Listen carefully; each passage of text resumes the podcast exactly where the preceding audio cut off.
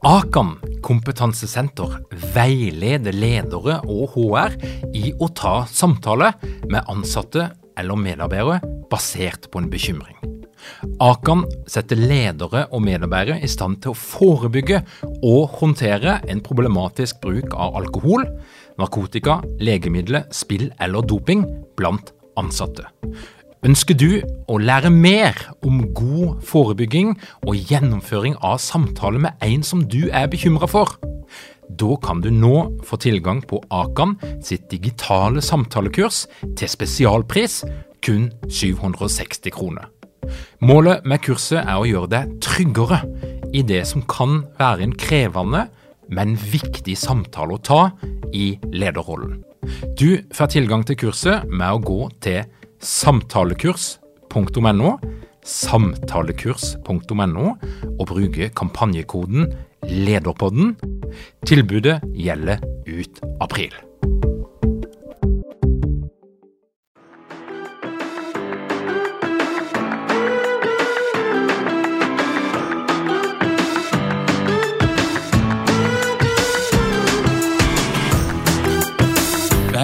Velkommen til Lederpodden. Mitt navn er Tor Åge Eikrapen. Jeg jobber som organisasjonspsykolog med leder- og ledergruppeutvikling.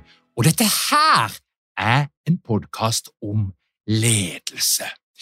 Ikke bare skal du lese de rette bøkene, høre de beste poddene, meditere hver dag, spise balansert og uprosessert, puste riktig, isbade og jobbe med dine egne følelser. Nå viser det seg at hvis du skal ha et godt liv og prestere som leder, som individ og i et team, så kan det ha noe for seg å følge nøye med på pulsen din. Torkel Færø han er legen som har tatt pulsklokka for å være et statussymbol for veltrente kvinner og menn til å bli et verktøy som faktisk kan gi deg et bedre og et lengre liv.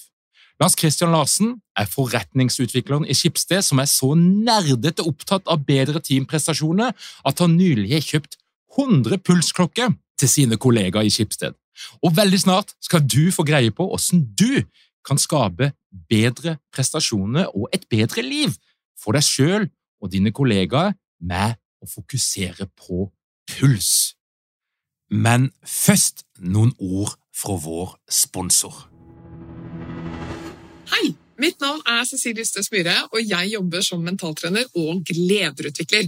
Og til høsten skal jeg ha en egen modul på lederprogrammet som omhandler selvledelse. På selvledelsesmodulen vil du lære deg mentale verktøy og teknikker som er forskningsbaserte, og som jeg har god erfaring med fungerer i praksis. Disse verktøyene skal jo sette deg i posisjon til å få ut potensialet ditt som leder, og da er vi allerede i gang med å også sette deg i posisjon til å få ut andres potensial. Så dette henger sammen. Så er du nysgjerrig eller interessert, så håper jeg å se deg til høsten. Eh, og mer informasjon det finner du på lederprogrammet.no. Håper vi ses! Velkommen til Lederpodden, Lars Kristian og Torkil. Tusen takk. Takk for det. Torkil, du er lege, fotograf, forfatter, livsnytter, pulsnerd og globetrotter, men hva er det egentlig som er greia di?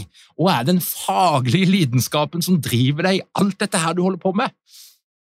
Ja, Den faglige lidenskapen det er å, å få mest mulig ut av livet og få være med på mest mulig få meg mest mulig de årene jeg lever, av alle mulige opplevelser, egentlig. Sånn at eh, jeg driver jo egentlig med dette her av mest eh, egoistiske hensyn. Jeg ønsker å få mest mulig ut av livet. Eh, men så har jeg funnet ut en del om det, som jeg har formidlet i Kamerakuren. Jeg er akkurat nå for en halvtime siden ferdig med en ukes workshop i Kamerakuren her på Montebello-senteret for kreftpasienter.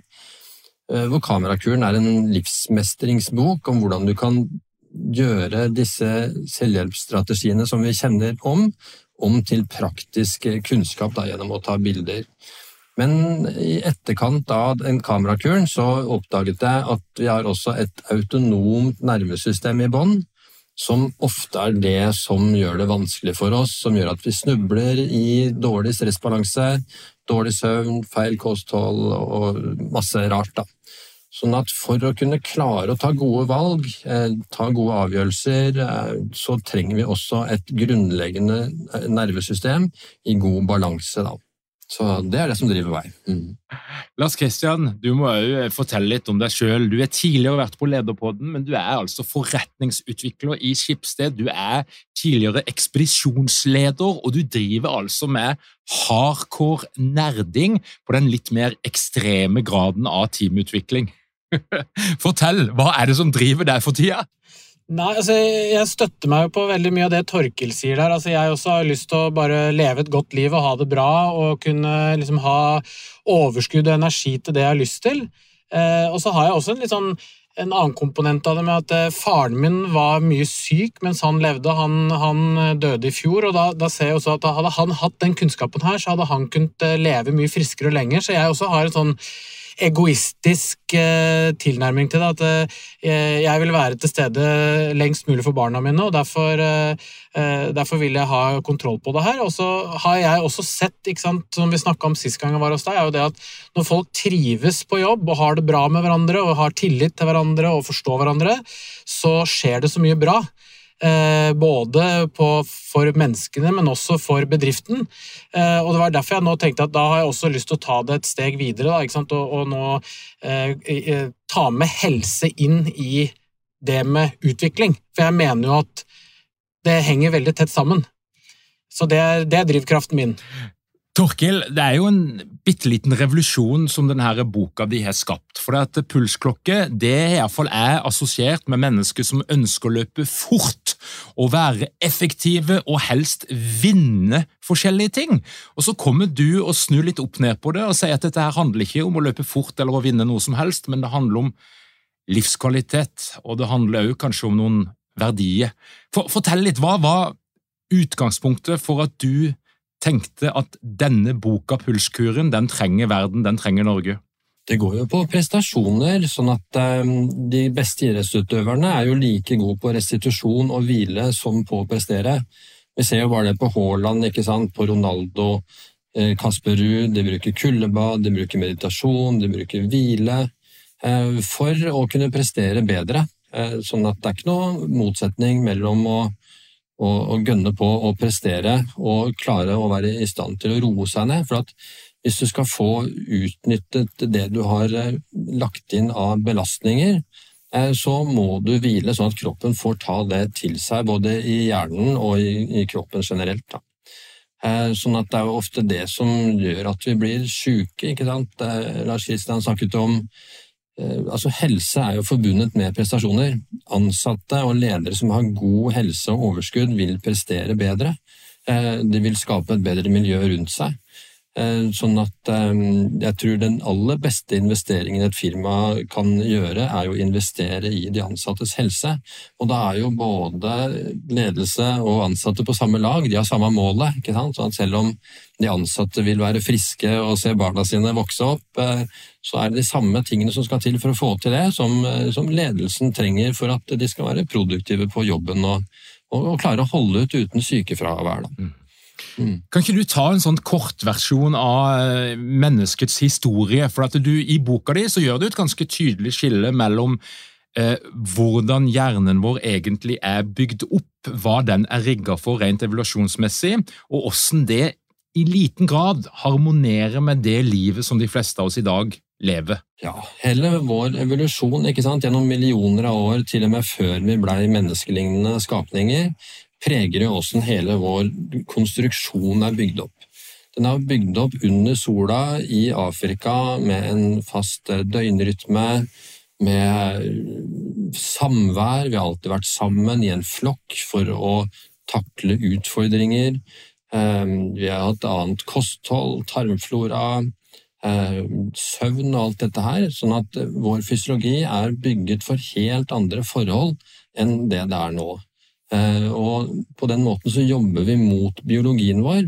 Og når vi jobber mot biologien vår, så taper vi. Vi kan ikke vinne den kampen.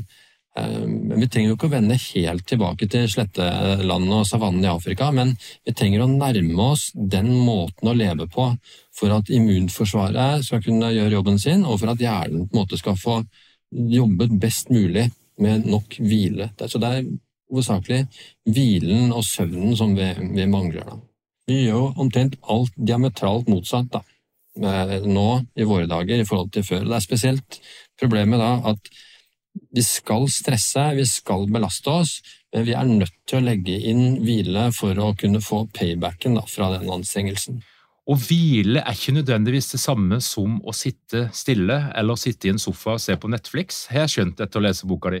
Ja, hvile kan man gjøre på mange ulike måter. Eksempel er jo kuldebad ikke sant? En ekstremt effektivt, noe som både Kasper Ruud og Ronaldo har brukt eh, masse for å hente seg ned igjen, som demper betennelse. Sånn at eh, det med kulde er supereffektivt. Eh, middel. Og ellers det med pusteøvelse, det å klare å roe seg ned, det å sitte selv med spaken inn i nervesystemet vårt, sånn at vi klarer å roe oss ned selv, og ikke bare er overlatt til omstendighetene. At det må være fredelige omstendigheter rundt oss for at vi skal være rolige, men at vi selv, midt inne i kampens hete, klarer å regulere oss ned og regulere oss opp når vi trenger det. Det er det som jeg tenker er viktig. Og Det du egentlig snakker om, det er å skape eller få fram denne her parasympatiske responsen i det autonome nervesystemet. Kan du ikke fortelle litt om det? Ja, Vi har jo altså grunnleggende to nervesystemer som vi deler med alle virveldyr. Altså til og med rotter og reptiler og alt som beveger seg. Eh, et på-system med det sympatiske nervesystemet som mobiliserer oss mot det vi vil ha, eller bort fra noe vi ikke vil ha. Jakt og flukt det dreier seg om det sympatiske nervesystemet. Men innimellom der må vi hvile, og da har vi det parasympatiske nervesystemet ved nervus vagus, en vandrende hjernenerve, som innerverer hele kroppens organer og passer på at vi får restituert både hjerne og immunforsvaret og organene. Eh, og det er spesielt den delen da, som, eh, som ikke får tilgang. Altså, vi, vi, legger ikke til rette for at restitusjon og reparasjon kan skje. Mm. Eh, det er som vi kjører bil og aldri setter den på service, og hvis noe går gærent, så, så dropper vi å reparere det, liksom. det nytter jo ikke i, i, lengden, da. Og det som er så bra med pulsen, og som er så supert for meg som lege, er å se at pulsen og pusten, de helt grunnleggende tingene i, i vår funksjon, da, det er det som kan avsløre hvilken stressmodus vi er i. Sånn at hvis vi er i sympatisk stressmodus, så slår hjertet like jevnt hele tiden for å utnytte oksygenet i lungene maksimalt. Men når vi er i avslappet modus, så når vi trekker pusten, så vil hjertet raske litt på for å utnytte at lungene er fulle av oksygen, og når vi puster ut, så vil hjertet slappe litt av for å utnytte den lille muligheten til avslapning. Og vi snakker millisekunder, eh, som ikke vi gjerne klarer å oppfatte selv, men som klokkene klarer å oppfatte. Og gjennom kunstig intelligens så klarer klokkene å finne ut og avsløre vår stressbalanse og gi oss actionable tall på det, altså målbare tall, som gjør at vi selv klarer å styre eh, aktiviteten vår. Så vi har på en måte fartsmåleren på håndleddet. Og det har jo tre millioner nordmenn eller noe sånt allerede. Eh, de vet bare ikke hvilket potensial som ligger i det, og, og det er jo grunnlaget for pulskuren da, som de, de lærer der. Mhm.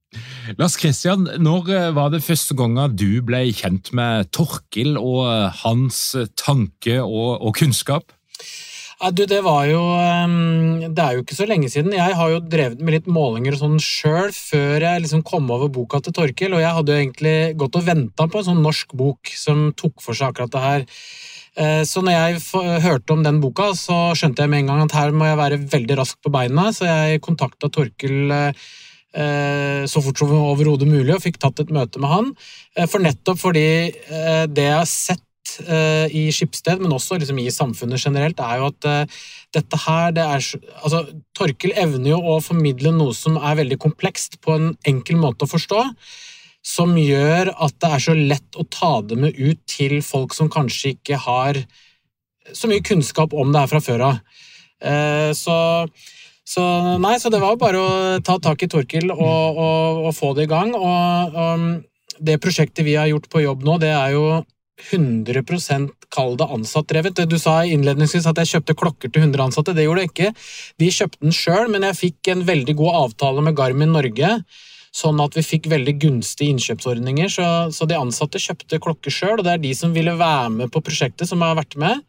Så dette er både i mitt team, men vi tok det også på tvers av hele Skipsted, for jeg ønska å kunne se om vi kan få en større impact eh, på hele, hele selskapet. Da.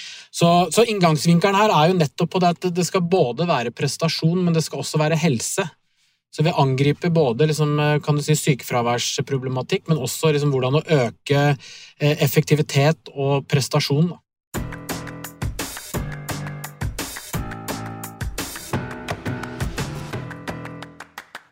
eh, det er jo litt sånn morsomt, syns jeg, for når jeg leser boka di, så er det jo mye gammel kunnskap. Eh, og så kommer plutselig teknologien seilende inn eh, med altså den her pulsklokka. og det var liksom, det kommer, altså, Nå vet jeg hva, hva, boka di går ut på, men jeg blir, når jeg leser teksten, så blir jeg likevel sånn overraska, og plutselig så flytter vi inn i framtida. Etter å ha skrevet mye om historien og mennesket som er gammel kunnskap. Men, men fortell, det er to ting på ei pulsklokke som du er opptatt av. Hva er det? Ja, det er jo den pulsvariasjonen, den heart rate variability, som da måler stressbalansen i øyeblikket. Og det at den klarer da å samle denne kunnskapen gjennom døgnet for å finne ut eh, hvor godt sover du, hva blir du stresset av, sånn at du får kurver som gjør at du klarer å identifisere hva akkurat du blir stresset av. For det varierer veldig. Ehm, sånn at du får individuelle tall. I forhold til På legekontoret vanligvis så, forholder vi oss til gjennomsnittstall, men det er jo ingen pasienter eller folk som er gjennomsnittlige. Ehm, så det gjør at dette gir oss individuelle tall på hva som stresser deg i øyeblikket. Da. Det er jo det tallet som, ehm, som jeg er mest opptatt av. Da. Heart rate variability, da, som jeg forklarte litt om eh, i stad. Mm. Og rent praktisk hvordan kan jeg bruke det tallet til å gjøre nødvendige endringer i mitt liv? Da klarer du jo å se hva som skal til for at du får restituert, fordi at du kan kanskje tro at de restituerer under en eller annen eh, handling, eh, men klokka vil avsløre om det stemmer eller ikke. Sånn at her vil du få svar på hva som skal til for å finne denne balansen i nervesystemet, og hva som er balansen.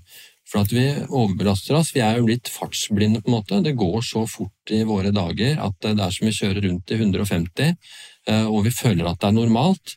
Men for fysiologien vår, som fortsatt er i steinalderen, på en måte, genene våre har jo ikke forandret seg eh, sånn sett, så, så går det altfor fort og det skader oss. En regner med at 80% av de sykdommene vi sliter med på legekontoret, har en sammenheng med dårlig stressbalanse, som i sin tur gir en kronisk betennelsestilstand i kroppen som påvirker alle organer, inkludert og ikke minst hjernen.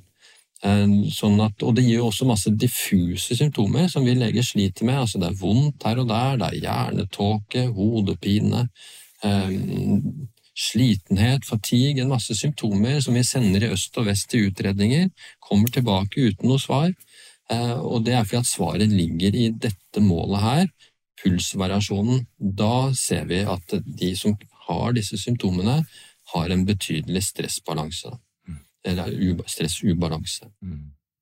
Men greier denne indikatoren å skille mellom f.eks. en sunn fysisk aktivitet, som å gå en tur i skogen, men som øker pulsen, og en, eh, en aktivitet som ikke fører til restitusjon. Det klarer den ikke å skille gjennom, eh, men du trenger du trenger å ta pengene fra noe sted. på en måte. Du trenger å ta energien fra noe sted. sånn at om du skal investere, ikke sant, så trenger du å ha de pengene tilgjengelig. Det er ingen som anbefaler deg å investere med penger fra kredittkort.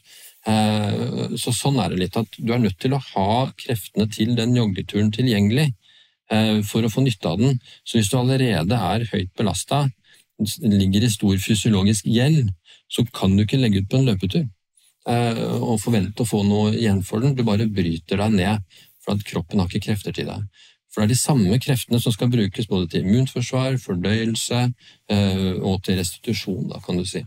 Tatt fra samme budsjettet. Men målerne klarer ikke å se ut fra pulsvariasjonen hva som på en måte er bra og sunt, og hva som er skadelig. Så at om jeg snuser, noe som jeg gjorde før, og som tappet masse krefter, Det ser likt ut på klokkene, da, som om, jeg løper en tur da, eller gjør noe annet. Men hvordan bør en gå fram for å finne sin måte å restituere på? Altså, er, det, er, det, et skjema, er det en liste der en må eksperimentere og liksom teste ut og krysse av? Eller hvordan gjør en dette her helt praktisk for å finne sin foretrukne måte å restituere på? Ja, I, i Pulskuren så har jeg laget en slags sånn ekspedisjonsplan. Eh, jeg kaller det ekspedisjon, fra det å forandre seg og det å skifte vaner, da, som dette egentlig dreier seg om, det er jo en, en kraftanstrengelse som man må liksom ha både planlagt og, og, satt seg inn i en del kunnskap. Da. Eh, og så dermed er pulskuren er en egentlig en sånn ekspedisjon på veien til eh, bedring, da, som, som, starter med søvn. For at søvn er det viktigste. Hvis du får kontroll på søvnen, så er veldig mye gjort. Eh, så derfor så starter den med det, med å legge til rette for god søvn. Da. Og så tar den det videre med bevegelse og stressregulering og pusteteknikker og og alt dette her, og ikke minst alkohol. Da. Altså, alkohol er jo det som folk slutter med når de begynner med klokkene. Altså, ikke slutter med, men de reserverer det til de anledningene hvor de virkelig har lyst på det, for de ser hvor mye det tapper under radaren. Så det de klokkene her gjør, egentlig, det er å avsløre hva som tapper deg for energi som du kanskje ikke var klar over. Og jeg har vel enda til gode å møte noen som ikke får seg en ordentlig overraskelse eh, forholdsvis raskt etter at de begynner. Da.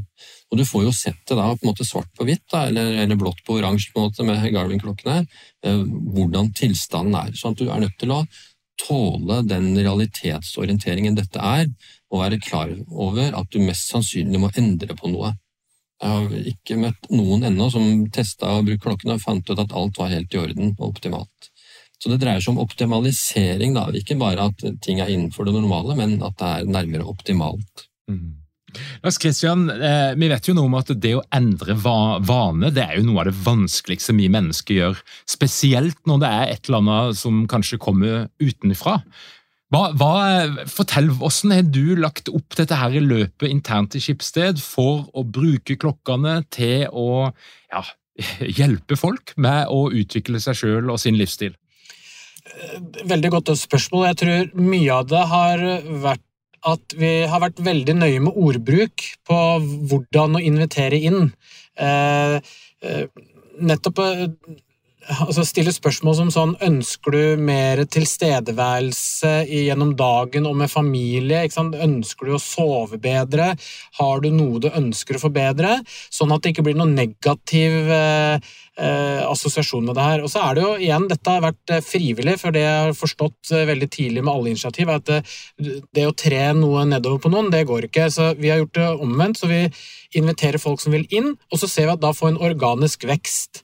Fordi at ringvirkningene Alt det Torkild snakker om nå, det har vi opplevd her. Både at folk får seg masse overraskelser, eh, folk prøver og feiler, man ser at folk reagerer forskjellig på forskjellige ting. Og så blir dette noe som folk snakker om. Det blir veldig naturlig. For kvinner, det å snakke om menstruasjonssyklus blir plutselig normalt. Eh, det å snakke om hvilke si, tips og triks du kan gjøre for å sove bedre, men også aksepten for å snakke om at du, jeg har ikke sovet så godt, og derfor kanskje er jeg ikke helt på topp. Eh, det er blitt normalisert, og, og, og det tror jeg er liksom eh, nøkkelen til at man ser interessen rundt det her. Og så sier du sant, endringer er vanskelig over tid. Det som er fint her, er at du får det veldig svart på hvitt, som Torkel sa. Du ser det med en gang.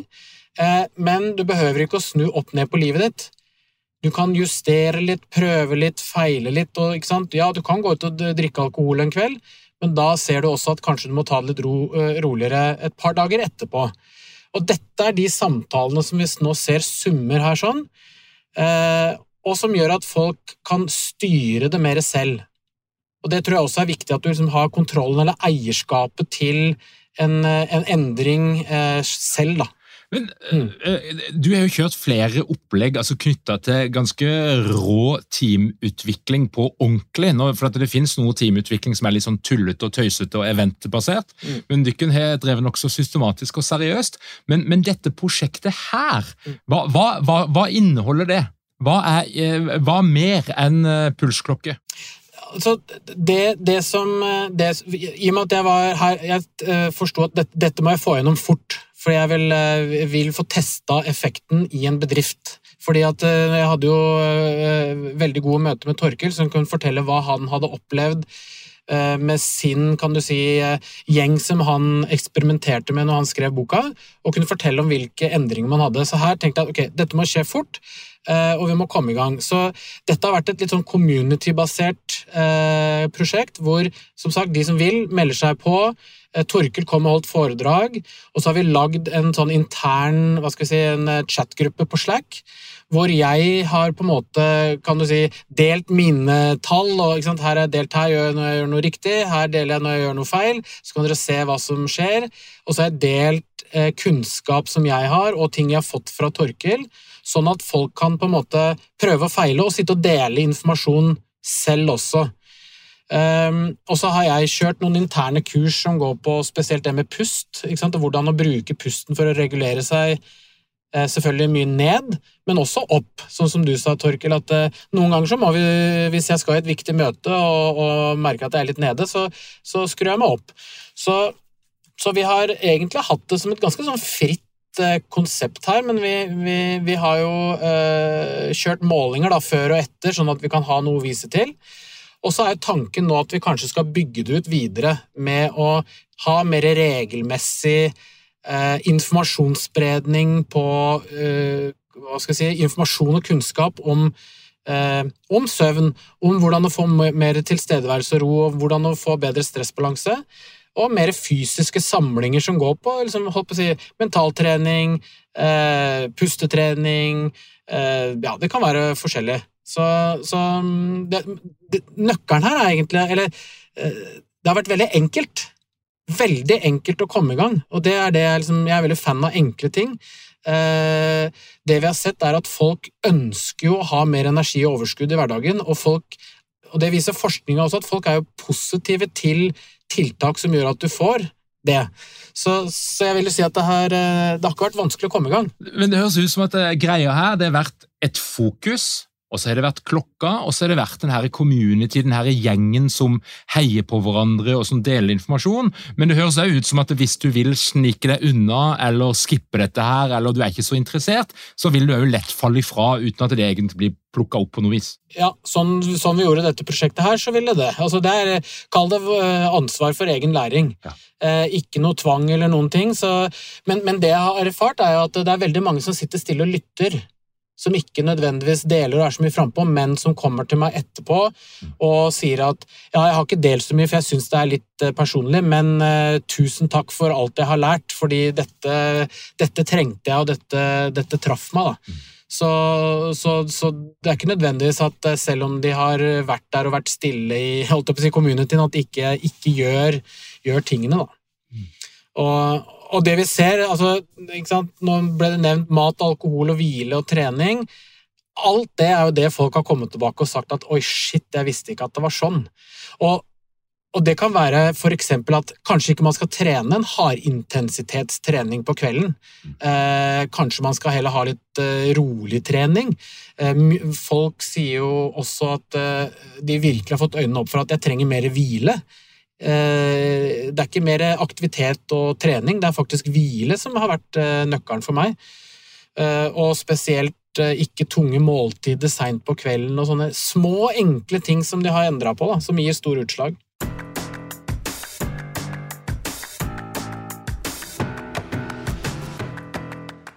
Torkil, hvordan er du ansett i, i legemiljøet? Eh, for du skriver i boka di at hvis du leser boka di, så, så har du mer kunnskap om dette her enn 95% av den norske legestanden. Ja, jeg, jeg, tilhører på en måte egentlig ikke noe eh, legemiljø. For jeg er en litt sånn eh, ensom ulv som er en frilanslege som drar rundt hele landet og jobber døgnvakter. Altså typisk drar til et sted og jobber en uke på døgnvakt. Og eh, som allmennlege og legevaktslege, og jeg har jo møtt faktisk og undersøkt ca. 1% av befolkningen, ca. 50 000 ulike folk, da, siden jeg har jobbet på denne måten her. Da. Siden jeg har hatt så mye andre prosjekter innen fotografi, innenfor reising og innenfor andre ting. Eh, og min erfaring er jo at legene i stor grad stoler på den kunnskapen de lærte for 20 år siden. men den er så utdatert. Og hvis ikke du har fulgt med på podkaster og på oppdatert informasjon de siste fem årene, så er du helt akterutseilt, og dette har ikke de stort sett fulgt med på. Sånn at eh, jeg vet ikke om de engang har registrert at det, at det eksisterer. Eh, men det som folk gjør, er at de går utenom hele dette tungrodde legesystemet og helsevesenet og tar ansvar for egen helse. Sånn at å vente på at helsevesenet skal omstille seg mot forebyggende helse og eget ansvar for helsa si, da tror jeg vi kan vente. Har dere mange ledere uten trening eller utdannelse innen ledelse? Mangler dere en felles kultur og praksis for ledelse?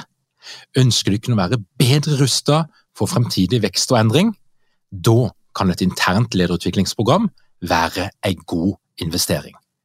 I Execu så er vi eksperter på å designe og gjennomføre bedriftsinterne lederutviklingsprogram. Hvis du ønsker å lære mer om hvordan vi kan hjelpe dykken til å få enda bedre ledere, ta og klikk deg inn på execu.no.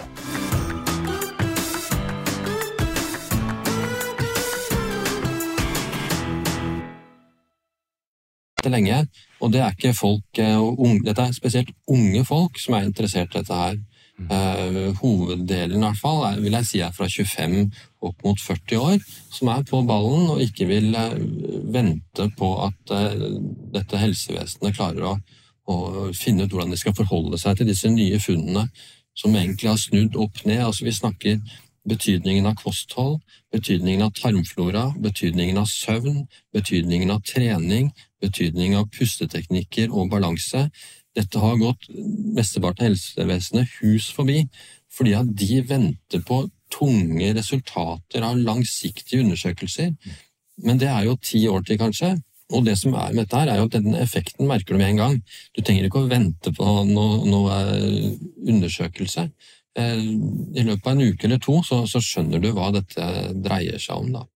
Sånn at hva egentlig disse andre legene mener, det, det vet jeg ikke noe om. Eh, og, og selvfølgelig er det jo underlig at, at, det er jeg som en sånn vagabondlege som på en måte har snublet over dette her, og at ikke det er en viktig professor med doktorgrad og osv. Men jeg tror kanskje det er nettopp derfor at jeg har gått litt andre veier enn de andre eh, legene, og ikke satt meg fast i gamle mønstre, men, men klart å kunne omstille meg og oppdage dette nye. Og hvis du hører på podkaster om helse internasjonalt, så ser du jo at de nærmest flirer av helsevesenet. Eh, som, som da sitter igjen i, og ikke engang skjønner at toget har gått, på en måte. Eh, og da snakker jeg om podkaster som Feel Better Live More av Rangan Chatterjee, Mark Hyman, The Drive av Peter Attia, Andrew Huberman Lab, altså podkaster som veldig mange unge og driftige folk hører på og forholder seg til, mer enn fastlegen sin, for å si det sånn. Ja, og Nå er vi jo inne på en litt sånn semipolitisk, filosofisk diskusjon. For nå har vi hatt Helsekost Furuset på, på skjermen, som mange har fått med seg. og Der dukker det opp en sånn diskusjon gjennom Eh, som handler om individets ansvar versus systemets ansvar. Og En kan òg trekke inn kanskje en liten sånn klassediskusjon. altså er vi, er vi på vei mot et klasseskille der det er de unge, de oppdaterte, de teknologiinteresserte, de som er åpen for ny kunnskap, som vil leve lenge og godt, mens de mer konservative, lukka og som ikke følger så mye med i verden, de kommer til å tape både når det gjelder livskvalitet, helse og i det hele tatt. Ja, det er du nok helt rett i. Der treffer du nok spikeren på hodet. sånn at det er, er, det er et veldig skille helsemessig mellom de som gjør det som vi nå vet er lurt å gjøre, og de som overhodet ikke gjør det. Sånn at det er et stort skille da, mellom de som kommer på legekontoret, og de som ikke kommer. Da. Eh, og er, er jo veldig synlig. Eh, og så og du har jo på en måte mye kommersiell interesse mot oss. Vi har en matindustri. Bare hør på ordet matindustri. Det er jo Bare det å spise ekte mat er jo mye av løsningen. Som tjener masse penger på å dytte i oss eh, ting som ikke er mat, og som skader kroppen vår. Og på andre siden, da, når vi er blitt sjuke, og, og gjerne er syke i 30 år med betennelsesrelaterte sykdommer, så har du en, en helsebransje som står og skal ha sine penger, da. Det som er hjelper oss til bedre helse, er jo gratis. Alle rådene i Pulskuren er gratis. Eh, vann, hvile, søvn, bevegelse. ikke sant? Og Det er også problemet. Det er ikke noe kommersielt trykk bak det. Eh, og, og, og dermed så, så, er det ikke så lett for folk å gjøre det. Vi, vi faller i de fallgrubbene til eh, industrien, da. Og så har ikke da helsevesenet og samfunnet klart å, å, legge til rette for bedre helse og spare inn mye av de pengene som vi bruker på at folk spiser seg, eh, spiser seg syke, stresser seg syke. Så vi får håpe at det skjer noe. For det som er nå, er jo egentlig på grensen til kriminelt, hvor vi som leger og helsevesenet venter til folk blir syke før vi griper inn, istedenfor å gripe inn 20 år før for å lære dem og undervise dem i hvordan kan de unngå å bli syke. Men dette er jo faktisk det med heart rate variability, pulsvariasjon, er jo blant de få parameterne, biomarkørene, for forebyggende helse. Så det er jo først nå vi har et middel til å styre oss fram til en bedre helse. Da. Lars Kristian? Ja, og, og, Du sa det der med de strukturelle føringene, og det er der jeg mener liksom nå arbeidsgivere har en liksom sånn gyllen mulighet. da. For det, det, jeg har sett, er jo at folk er veldig man, er, man, vil være flink i jobben, man vil gjøre jobben sin, og det er mange som på en måte har en slags sånn antagelse om at jeg kan ikke ta meg fri og gjøre noe som handler om min egen helse. Trene i arbeidstid er jo veldig mye diskusjon rundt. Og jeg mener jo at nå har man en gyllen mulighet med dette verktøyet her til å bygge inn helse som en del av hverdagen i, i bedriftene. Fordi at Hvis du tenker over det, så er det jo det at hvis du får ansatte som har mer energi, eh, som har en bedre stressbalanse, som har overskudd og fokus, ja, da kommer bedriften til å tjene mer penger. Og det har vi jo på en måte bevist nå i form av dette eksperimentet her, med at vi ser at folk får opp de får bedre søvn, de får mer fokus, de får mer eh, overskudd. Og det er det som gir ansatte som også øker konkurransekraft, som øker innovasjonsgrad. Mm. Så det å bare jobbe dette inn som et system som gjør at ansatte forstår at ja, det er greit å gjøre pusteøvelser midt i arbeidstida, det er greit å gå ut og bevege seg innimellom, kanskje til og med ta med teamet ut i frisk luft og gjøre workshopen ute, for da tenker dere bedre. Eh, for meg så er det nesten litt sånn bakvendt at vi skal liksom jeg opplever mange arbeidsgivere som sier ja, vi kjøper eh, tilgang til eh, trening og yoga og meditasjon og alt sånt, men det må folk gjøre på egen hånd, for når vi er på jobb, så jobber vi. Og da mener jeg, det kan hende påstanden uten hold, men jeg mener det er litt hold for det, er at legger man det litt i arbeidstid, så sørger du for at ansatte tar seg tid, fordi mange har ikke tid på grunn, nettopp av det. Vi skal levere barnehagen, komme på jobb, møte back to back, og så skal vi hjem og hente i barnehage, og så skal vi kjøre på skole, nei, treninger og avslutninger og alt mulig. Gjør vi dette i arbeidstida litt, og det krever jo ikke så mye, så kan du få friske medarbeidere som har lyst til å gjøre en god innsats, og som har robustheten og resiliensen til å gjøre det. Torkil, eh, eh, dette her, jeg, begynner å bli nysgjerrig. Garmin har ikke overført noen bitcoins eller noe penger til Cayman Islands på en sånn konto som du besitter? Nei, men eh, de har nok tjent ganske mange hundre tusen, vil jeg tro, på, på, på det jeg har formidlet. Og, men det er altså ikke noen koblinger til Garmin. Uh, men det er det at de ligger noen hestehoder foran de andre. Eh, det har ikke noe med Garmin-klokka i seg selv, men at Garmin har vært så smarte at de har kjøpt opp analysedelen til finske Firstbeats, som har jobbet med dette her i 20 år og samlet inn algoritmer. og, og Firstbeat er også de som står for Kasper Ruuds eh, treningsprogram, på en måte, eller den eh, overvåkning med en sånn brystfesta måler. da. Sånn at men man kan også bruke Apple Watch, eh, man kan til en viss grad bruke Polar. Eh, og I tillegg så finnes det Ora-ring og Whoop-bånd og en rekke andre løsninger. Da. Men den som gir enklest mulig tilgang til budsjettet. Eh, på en måte. Totalbudsjettet av hva som går inn og ut, det er eh, Garmin. Så av de, mange av de andre klokkene og eh, apparatene, så vil du på en måte få summen. Så det blir det som du har vært i butikken, og så får du kassalappen og summen. Jo, det kosta 2000 kroner, mm. men hva som kosta hva, det har du ingen anelse om. Mm. Sånn at det er der Garmin har den store fordelen, da. Så, men her skjer det så mye utvikling. Alt dette kan forandre seg på et halvår eller to. Ja. Sånn at det er jo superrask utvikling. Og mitt body battery altså Jeg må innrømme, jeg, sover litt lite i natt igjen. Eh, eh, og jeg har hatt en løpetur. Jeg er nå inne i et kontor som det er 28 grader. Jeg er på podkast. Mitt body battery er på 48. Og hvis jeg henger ned på stress, skal vi se, den skal jeg finne her nede. Hvor har den gjort seg? Um, stress er vel Det er jo en egen sak her som heter stress, er det ikke det? Jo, Mm. La meg se, og den skal fortelle meg. Det er viktig å justere de, slik at du har det på ett tastetrykk. Ja. Um, så det er et triks at du har det på ett tastetrykk, sånn som jeg hadde på ett tastetrykk. Jeg hadde body battery på 49, én mer enn deg. Ja. Stress i øyeblikket er på 59 og puls på 66. Og det som kan lønne seg, det er bare sånn kort tips, det kan lønne seg å gjette gjette på hva stressnivået er før du sjekker det. Ja. Så på den måten blir du litt mer kjent med, det, med det, kroppen din. For at, også, mange sier jo kan vi ikke kjenne etter dette selv, men nei, det kan vi ikke. For at alle våre sanser har gjennom evolusjonen vært rettet utover. Mm. Syn, hørsel, lukt, smak, berøring. For at alle truslene har kommet utenfra. Nå, de siste 50 årene, så kommer truslene innenfra. Mm. Og den og, og, det er det at vi har ikke hatt noen sans innover som har vært såpass grundig som de andre sansene, så denne her sansen tar litt over for den som vi da mangler. Mm. Og nå ser Jeg at klokka, jeg har ikke hatt, hatt, hatt lada klokka, så jeg har ikke hatt henne lenge nok på til å se stresset, men jeg ser at pulsen min er ganske høy, oppe i 70 eh, akkurat nå. Og jeg tenker kanskje at temperatur og det å være i gang med podkast og sånne ting kan spille en rolle der.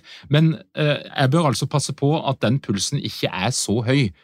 Eh, til vanlig, er det riktig? Ja, at du klarer å regulere ned i etterkant. ikke sant? Mm. Og, og, jeg som har så mye å gjøre nå etter den suksessen med pulskuren, den kom ut i sjette opplag på, på fem og en halv måned her.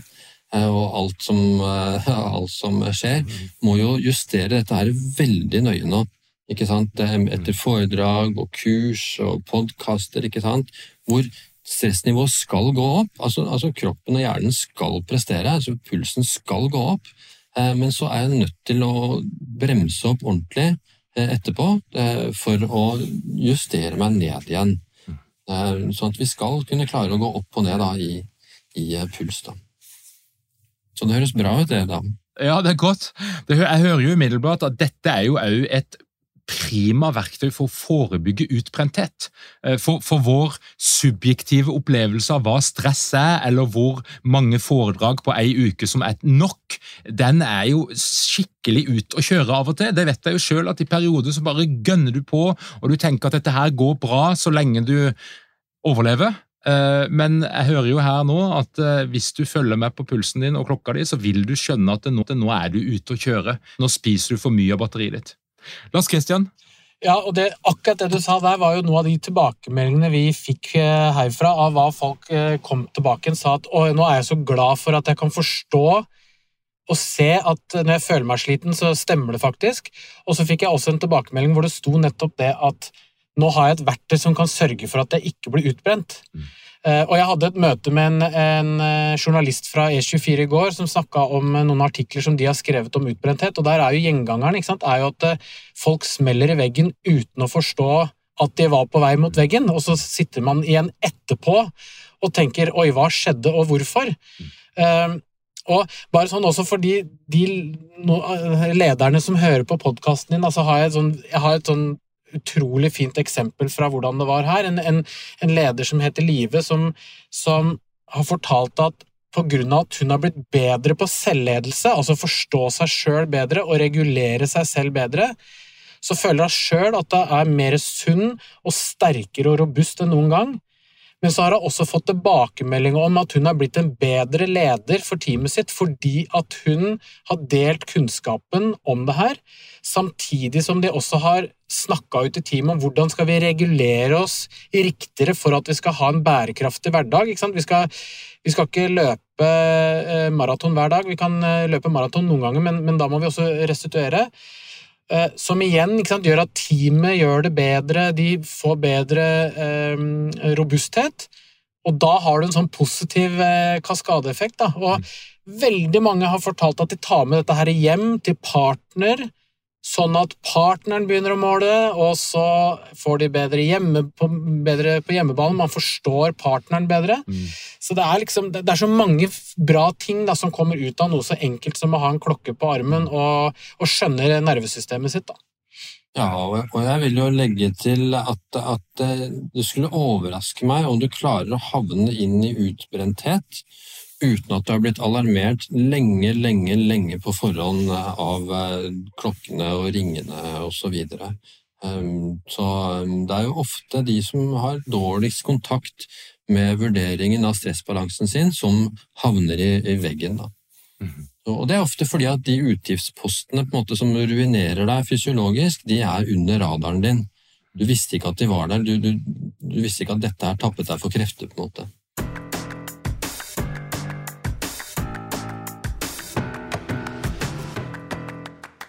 Torkel, siden jeg er psykolog i bonden, så blir jeg jo litt interessert i hva dette kan ha å bety for terapi. Altså et, et, eh, i hvilken grad kan en identifisere psykologisk stress, bekymringer, konflikter, relasjoner som ikke funker, og som påvirker deg i det daglige, og som stresser deg i det daglige, uten at du kanskje helt skjønner hva det er for noe? Ja, det er et veldig interessant spørsmål. Og jeg hørte jo faktisk om eh, pulsvariasjon og heart rate variability første gang i en hengekøye på eh, Morea, øya ved siden av eh, Tahiti. Hvor jeg leste boka til Bessel van de Kolk, psykiater, den boka som heter Kroppen holder regnskap, eller The Body Keeps the Score, om hvordan amerikanerne bruker veldig aktivt heart rate variability i terapi. Både for å se hvem er det som blir bedre, og hva er det som gjør deg bedre, men også for å se er du tilgjengelig for terapi nå. Er din heart rate variability så dårlig at du ikke er i posisjon til å nyttiggjøre deg behandling? Skal vi få deg bedre i balanse før vi behandler? Um, det er jo en av det viktige med heart rate variability. sånn at i USA så har de brukt innen psykiatrien har de brukt dette her masse som et mål på tilstanden i um, i psykiske tilstanden. Eh, og det ser vi også at det er mange Det er stor variasjon i hvor mye folk preges av, av psykiske vansker, av emosjonell uro. Så noen tåler konflikter veldig godt, og andre blir veldig preget av det. Så det vil du se resultatet av eh, på, på, klokkene, da, rett og slett. Og Da lukter at det er ikke lenge før vi kommer til å se en kobling mellom dette her og Big Five og personlighetstrekk og hvilke korrelasjoner som finnes der, for der tipper jeg at det er et eller annet. Mm, det kan godt være. Ja. Lars Kristian, nå må vi komme til resultatet her. For at uh, Du har gjennomført et uh, mini-forskningsprosjekt. Jeg er, det er, noe betydelig bedre enn det som kalles superenkel forskning. Men du har altså gjennomført et prosjekt, og da er det jo viktig å si noe om innenfor hvilken tidsramme var det dette her foregikk? Eh, hva var intervensjonene? Du har for så vidt beskrevet de allerede. Og hva var N-en? Hvor mange deltakere var det som fullførte løpet her? Og hva er det du fant ut?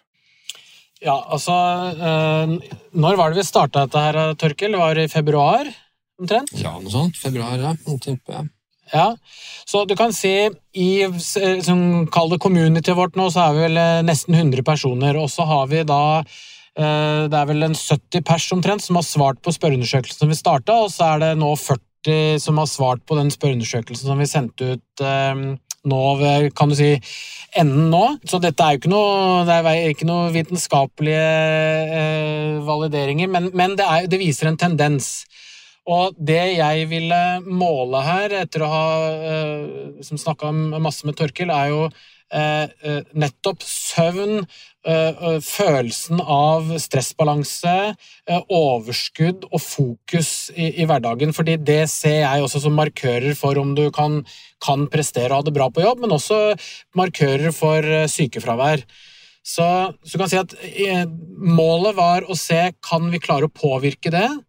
Det som er interessant her, er at vi har vært midt oppi en stor omorganisering, så det er jo ikke akkurat eh, holdt på å si, til å legge til rette for eh, mye av de tingene her. Men eh, igjen, av de svarene vi har fått inn, så ser vi jo at vi har fått en ganske markant endring på kvaliteten på søvn. Den er vel eh, opp 17 eh, meldes det inn. Bedre stressbalanse opp 18% Men de to markørene som jeg syns er veldig interessante, det er emosjonsregulering. Det er altså eh, det de oppgir at hvordan de klarer å hente seg inn igjen etter belastning i hverdagen. Der er det en forbedring på 24% og på fokus, evnen til fokus, er opp 28 og så kommer det da i tillegg alle disse anekdotiske tilbakemeldingene. Hva er det folk føler at de har fått ut av det? Jo, de føler jeg har mer kontroll over meg sjøl, jeg forstår meg selv bedre, jeg føler meg sunnere og raskere. Eh, jeg føler at jeg nå har lært mye om meg sjøl eh, som har vært enkelt å gjennomføre. og så på en måte, Jeg føler at historiene også er veldig viktige, da, ikke bare tall. Eh, så mitt mål nå videre er jo på en måte kunne bygge dette inn og få det til å bli en del av en hverdag. Eh, at dette skal være helt naturlig. At når du eh, er her i Skipsted, så vil du ha på en måte tilgang til både kunnskapen, for det er kanskje det viktigste, men også da kanskje, kanskje verktøyene, som i type en klokke, eh, og tilgang på hva skal vi si, kanaler, men også type pustekurs, mentaltreningskurs osv. Så, videre. så dette skal jo nå ja, løpe litt rundt i gangen og prøve å se om vi klarer å få, få til å bli noe av. Det vet jeg ikke ennå, men eh, det håper jeg jo. Og Du er jo forretningsutvikler, så du har jo rett og slett sett at her er det en mulighet for Skipsted kan lage et eller annet som kan tilbys utenfor Skipsted og bli et eller annet kommersielt verdifullt.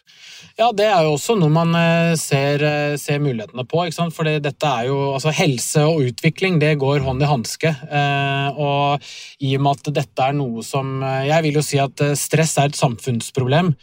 Eh, så tanken her er jo at dette er jo noe som verden faktisk trenger. Eh, for skal vi både ha en verden som er bra for barna våre å ta over, og hvis vi skal holde konkurransekraften oppe, så, så er vi jo nødt til å gjøre noen endringer.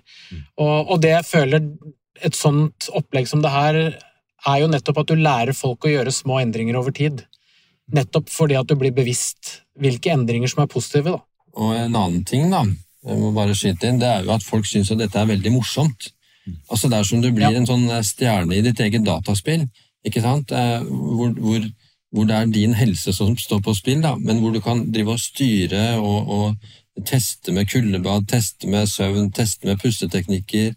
Eh, og teste de ulike tingene i pulskuren og se resultatet. Og, og, og folk syns også det er morsomt. altså Det er motiverende. ikke sant? Så mm. Det er et veldig viktig element. Jeg, altså jeg må si at jeg, jeg, føler jeg kjenner kona mi bedre nå, for nå forstår jeg hva hun tappes av, og hun forstår bedre hva jeg tappes av. Eh, eller lading også, for den saks skyld. Så det, det, gjør jo at man får eh, bedre relasjoner både med partneren sin og, og kollegaer, eh, faktisk. Varer dette her? Varer de her endringene? Ja, det er, jo, det er jo livsstilsendringer, da. Sånn at eh, Det vet jeg ikke helt hva du tenker på, men de, det er jo gitte ting som påvirker fysiologien vår. Sånn at det Hvis du f.eks. slutter å spise sent på kvelden, som har effekt på ved å si, dag én, så har den den samme effekten dag 30 eller dag 100, på en måte. Mm. Eh, det, det, som kan endre seg, det er jo faktisk kuldebad og kuldedusjer, hvor du etter hvert vil akklimatisere deg, hvordan de første kalde dusjene eller kalde badene vil ha en voldsom effekt. Og så vil den, grad, den, effekten tape seg litt, fordi at kroppen din blir mer robust eh, i forhold til temperaturvariasjoner. Da. Men stort sett så er det jo faktorer som håper jeg, er evige. Mm. Men selve klokka og selve det å endre livsstilsvanene er jo noe som mange sliter med å opprettholde. En kan jo tenke at det, liksom, det er veldig gøy fra begynnelsen av, du er fascinert av teknologien og hele pakka, men så havner du inn i et eller annet dårlig mønster eller et hamsterhjul. Hva vet vi om dette her, altså det å opprettholde denne type vane? Nå har jo jeg fulgt folk nå i snart halvannet år, siden de første 200 personene som var med i utviklingen av Pulskur-boka, var med, og det ser ut som det holder seg, for at du vil jo få svar med en gang at der overtrakk du kontoen, på en måte. ikke sant? Det, sånn at det, dette er varige endringer, ja, som folk klarer å holde på fordi at de ser resultatet. ikke sant? Når du endrer en vane, så vil jo det at du ser resultatet tydelig der og da, hjelpe veldig på motivasjonen da, til å fortsette. Jeg, jeg, tror jo også at man blir jo litt sånn avhengig av å ha en god følelse, altså ha overskudd. Det, man, det, er jo sjelden man vil tenke at nei, det har jeg ikke lyst på. Og så tror jeg at kunnskapen som gjør at folk forstår at og det mange som har fortalt, er at man tror at du må alltid trene hardt, f.eks. Og det kan være, ikke sant, hvis du hvis du har et dårlig batteri i utgangspunktet, eller du har lite energi, og så tror du at du må ut og løpe en uh, tung intervalløkt, ja, da skjønner jeg at man tar og velger det bort. Men hvis man ser det at vet du hva, det du trengte nå, var kanskje gjøre litt tøyeøvelse hjemme og heller sette deg og lese en bok, ikke sant? og at det er en slags aksept for det, så tror jeg det også gjør det lettere for folk å gjøre disse små, gode endringene over tid. da. Eh, fordi at du bygger jo opp energien din, og da, du, da går dørstokkmila eh, ned. Ja, og også det med å trene f.eks. i sone 2 uten melkesyre. Vi ser at melkesyre har masse å si, så det er ikke rart at Ingebrigtsen-gjengen prøver å løpe under melkesyregrensa, for da tåler du mye mer trening. Eh, og du vil tåle å legge den treningen inn i totalbudsjettet i stressbalansen. Så at eh, liksom, en halvtime i sone to kan du tåle helt fint, uten at du trenger liksom 20-30 timer med restitusjon etterpå. Med en gang du kommer over i sone tre, noe ikke du merker så godt, men som klokkene merker for deg, så er det plutselig mer mm, melkesyre, som for så vidt er helsebringende i seg selv og øker eh, hjerneforbindelser, men det, du har kanskje ikke råd til det, den investeringen i ditt budsjett akkurat der, fordi at det er belasta på andre måter. Eh, sånn at dette med melkesyre, det, det, har mye å si altså, på restitusjonen.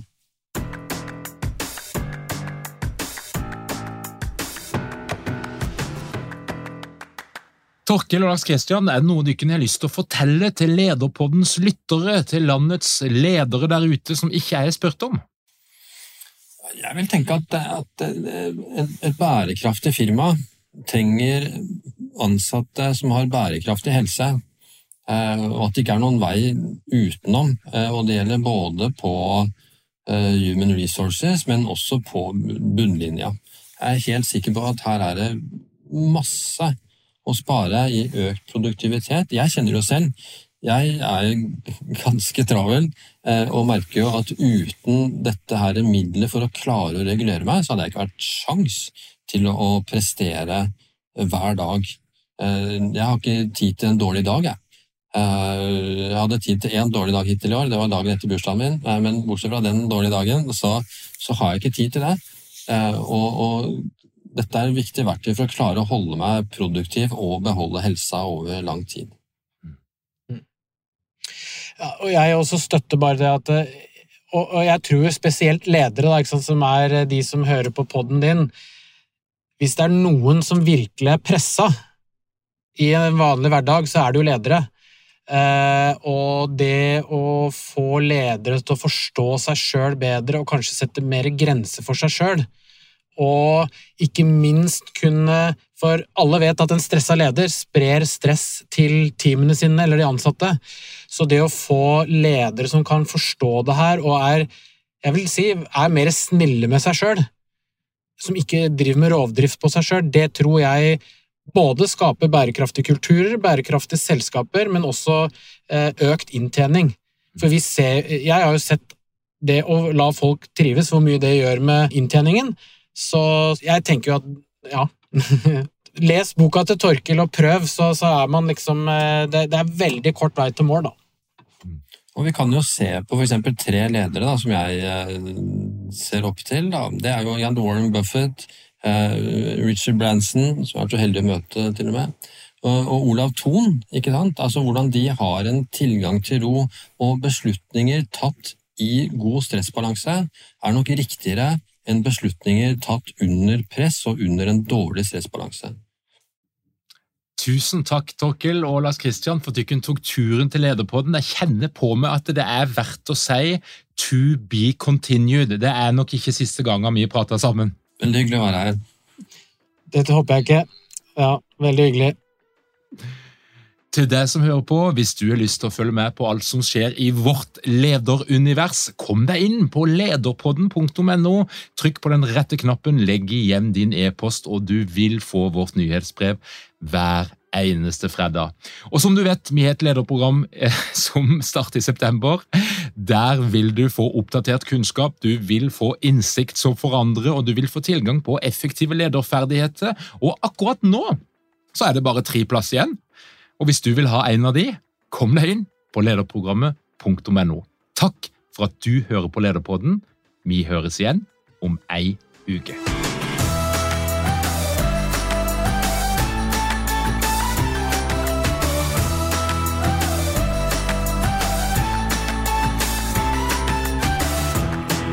Lederpodden er gitt til deg av Execu.